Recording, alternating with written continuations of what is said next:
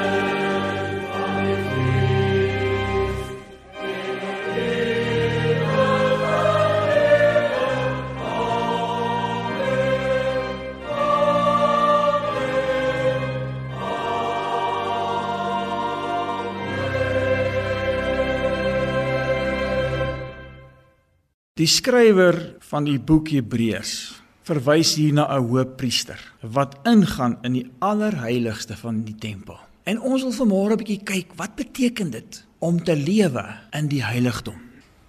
In die Ou Testament lees ons in Eksodus 6 vers 33 Die voorhangsel het skeiding gemaak tussen die heilige en die allerheiligste.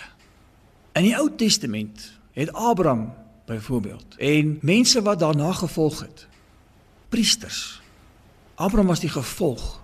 Die wet wat gegee is. En daar het priesters gekom wat God aangestel het. En hulle kon eenmal 'n jaar ingaan in die allerheiligste. En hoe dit gewerk het is daar was 'n wolk van reukwerk daar was 'n bakkie met bloed. En die priester moes sy gewaad af lê en het net 'n een eenvoudige wit linne rok aangetrek en dan het hy deur daardie voorhangsel ingegaan in die allerheiligste. Dit was 'n tyd van vrees en bewering want as jy iets verkeerd gedoen het, dan het God jou met die dood gestraf en jy gesterf. Hulle het 'n tou om sy enkel vasgemaak en dan het hy in die allerheiligste ingegaan, 'n heilige oomblik, eenmal in 'n jaar om verzoening te doen vir die sondes van die volk en vir sy eie sondes. Die intrede in die heiligdom was in 'n sin 'n vreesagtige geleentheid. Maar ons lees verder in die woord van die Here. Jesus Christus het gekom. Hy het gesterf aan 'n kruis en met sy sterwe, sy uitroep aan die kruis, lees ons in die Bybel, die voorhangsel het geskeur. En hy het geskeur van bo tot onder. Dit is vir my 'n teken, dis nie 'n werk van 'n mens nie, maar 'n werk van God. Dis God wat die weg oopgemaak het vir ons om nou in die heiligdom te kan ingaan. En nou sê hy daarsy in vers 20, hy sê op 'n nuwe lewendige weg wat hy vir ons ingewy het deur die voorhangsel heen. Dit is sy vlees. Jesus het sonde geword. Die vloek van die sonde was op hom sodat ons deur kan gaan. Nou hoef ons nie meer te wag om eenmal 'n jaar in te gaan nie, maar ons kan enige dag ingaan. As u 'n wedergebore, bloedgewaste kind van die Here is, met die getuienis in jou hart dat jy wedergebore is, dat jy oorgegaan het uit die lewe in die dood, van die breë pad na die smal pad, is jy 'n kandidaat om te kan ingaan binne in daardie heiligdom in. Dis die plek waar ek sy stem kan hoor. Die toetrede het voorwaardes. Hy sê met 'n waaragtige hart. Dit beteken dis 'n hart wat oortuig is hy het hulp nodig. In my eie krag, in my eie vermoë, met my eie geregtigheid is ek nie in staat om in te gaan nie. Want ek is 'n sondige mens. Maar wanneer die Here Jesus na my kyk, en hy sien die bloedgewaste hart. Want die dag as ek die Here Jesus aanneem, as ek hom ontmoet, soos hy sê in Johannes 1:12, aan almal wat hom aangeneem het, aan hulle het hy die mag gegee om kinders van God te word. En daai mag is die voorreg om te kan ingaan in die binneste in sy teenwoordigheid Hy sê weer in vers 19: Terwyl ons dan broeders vrymoedigheid het met 'n waaragtige hart. En dan sê hy in volle geloofsekerheid. Dit beteken die volle sekerheid dat ek aanvaar word deur God in Christus. Nou kan ek kom na hom toe net soos ek is, want ek is gewas met die bloed Ek het toegang tot daardie binnekant van die heiligdom. Hy sê harte gereinig van 'n slegte gewete. As jy in sonde lewe en jy's nie 'n kind van God nie, is dit jou gewete wat jou pla. Dis jou gewete wat jou in die nagte wakker hou. As jy die verkeerde dinge gedoen of gesê het, maniere van optrede, sondige lewe, dis jou gewete God het vir ons 'n gewete gegee sodat die Heilige Gees diep in ons harte kan werk. Daar waar ons dit kan wegsteek vir die wêreld en vir ons familie kan ons dit wegsteek. Maar wanneer ons voor God verskyn, dan begin ons besef ons is skuldig. Maar wanneer ek gewas is in sy bloed, dan weet ek God aanvaar my in Christus Jesus en die weg is nou oop Die voorhang sal is vir ewig oopgeskeur. Hy sal nie weer toegaan nie. Nou het ek toegang. My liggaam gewas met rein water. Ek noem dit die heiligheidslewe. Die heiligdom lewe. Die plekkie in jou binnekamer. Ons is veronderstel om 'n binnekamer lewe ook te hê. Tyd in 'n plek wat ek afspreek om met die Here te ontmoet om in te gaan in my binnekamer kan eintlik 'n ingang wees in die heiligdom direk tot by die voete van die Here Jesus. Dis vir ons oop. Maar baie mense in vandag se tyd is so besig en so aan die gang dat hulle nie by daai punt in plek om om elke dag tyd te maak om af te sonder en om stil te word in hierdie besige wêreld met al sy vereistes.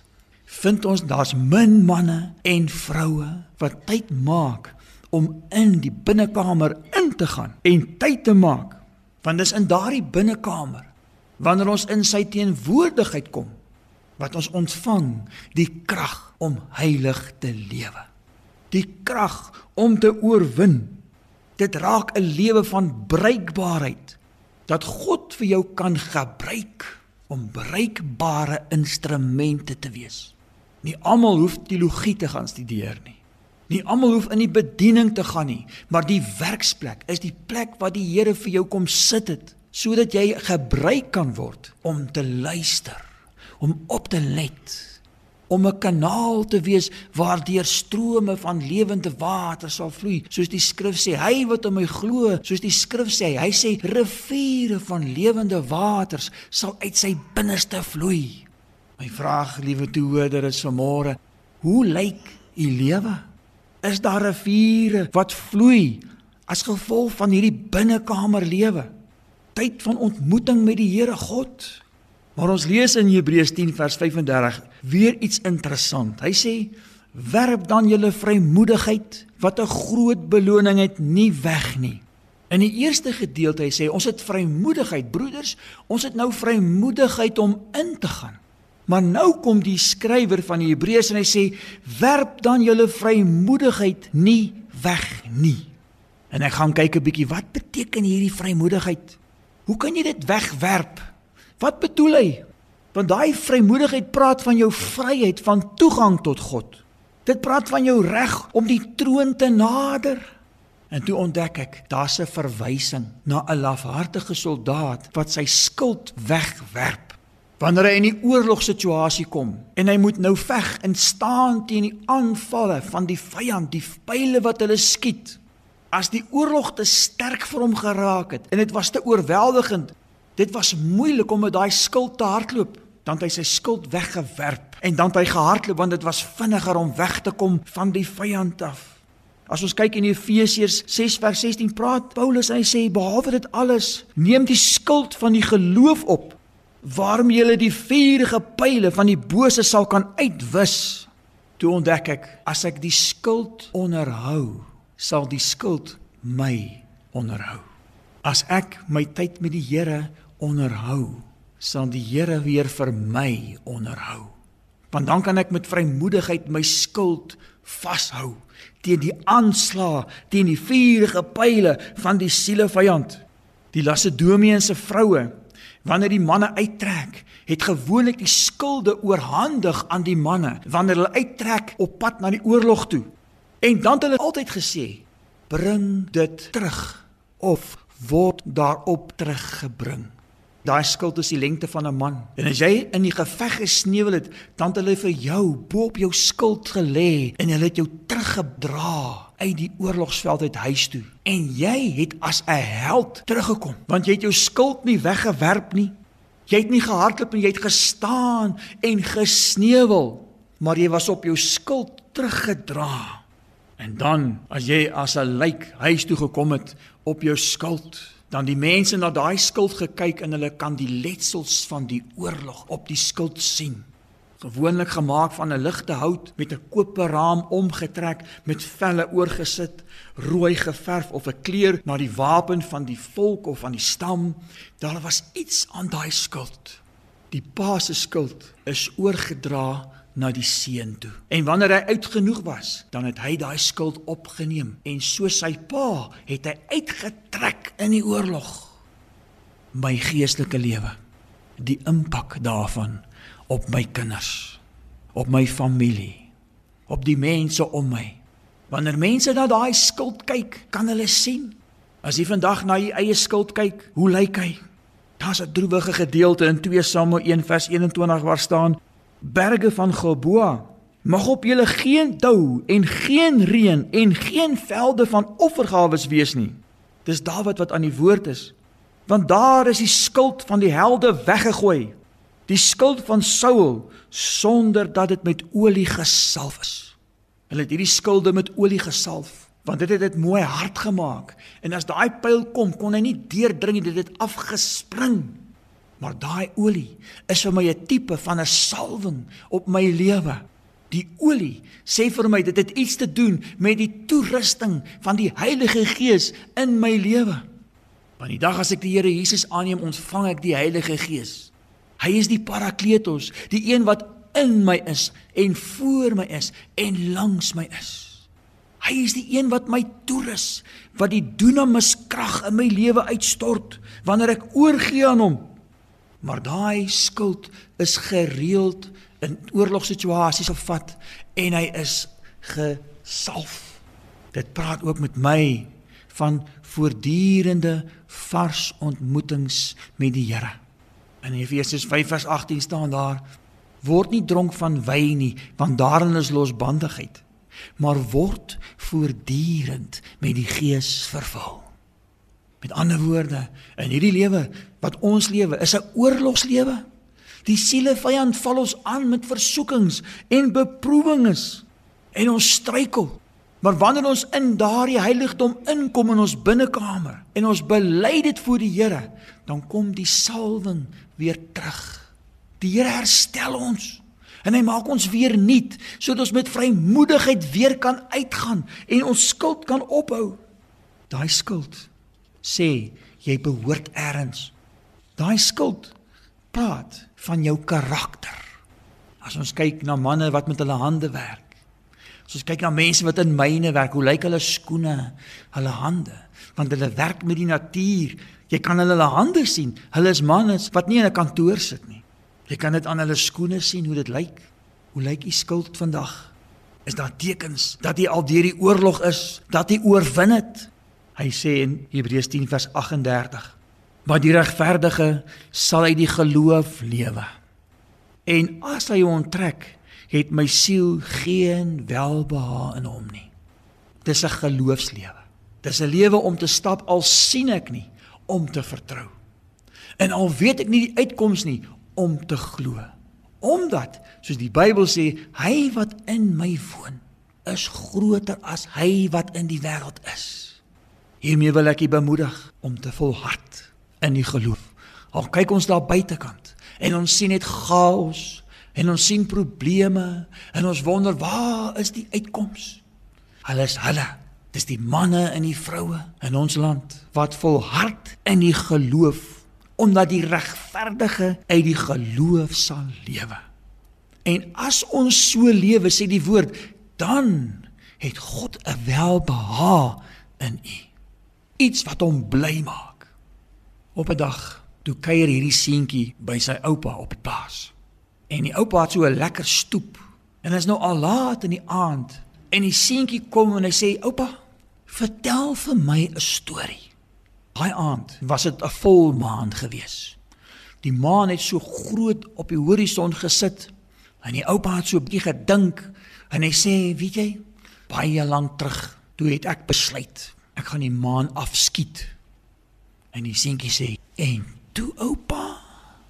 Hy sê ek het my geweer gevat en ek het 'n koel ingesit en ek het kruit voor ingestamp en ek het nog 'n koel ingesit. En toe oupa, hy sê toe vat ek daai geweer en ek lê aan en daai maan het so groot deur die mik van die kameeldoringboom gekom en ek het besluit ek gaan nog net so klein bietjie wag.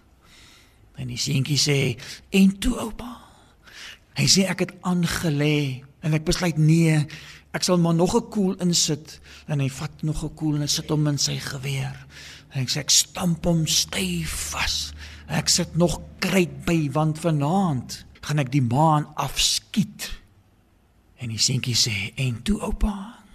Hy sê toe lê ek aan en ek trek daai geweer styf teen my skouer vas. En ek sit die versier mooi in die middel van die maan. Hy sê en toe oupa.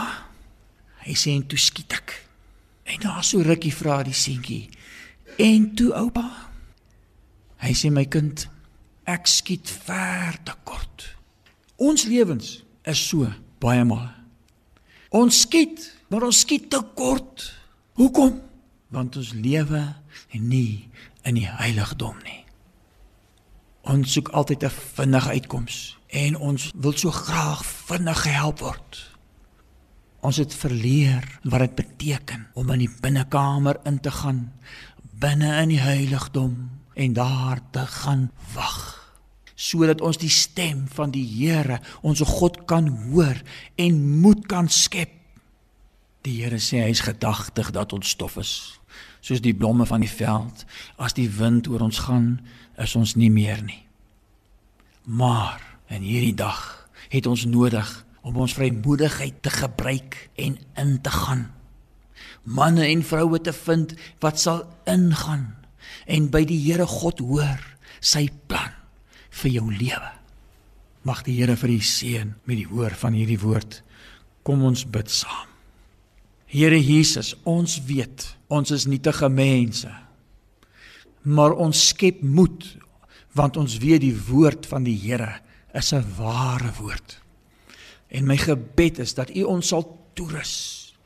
Dat U ons sal oorlaai met vrymoedigheid om in te gaan as kinders van God in die heiligdom om 'n lewe te hê in ons binnekamers om U stem te hoor dat die arm in beweging sal kom daar waar die nood groot is omdat u manne en vroue gevind het wat die Here se aangesig soek en wat die lewe lewe wat u behaag. Ons vra dit in Jesus se wondernaam. Amen. Kom ons sing ten slotte saam. Haleluja 285 gaan my nie verby o heiland. thank you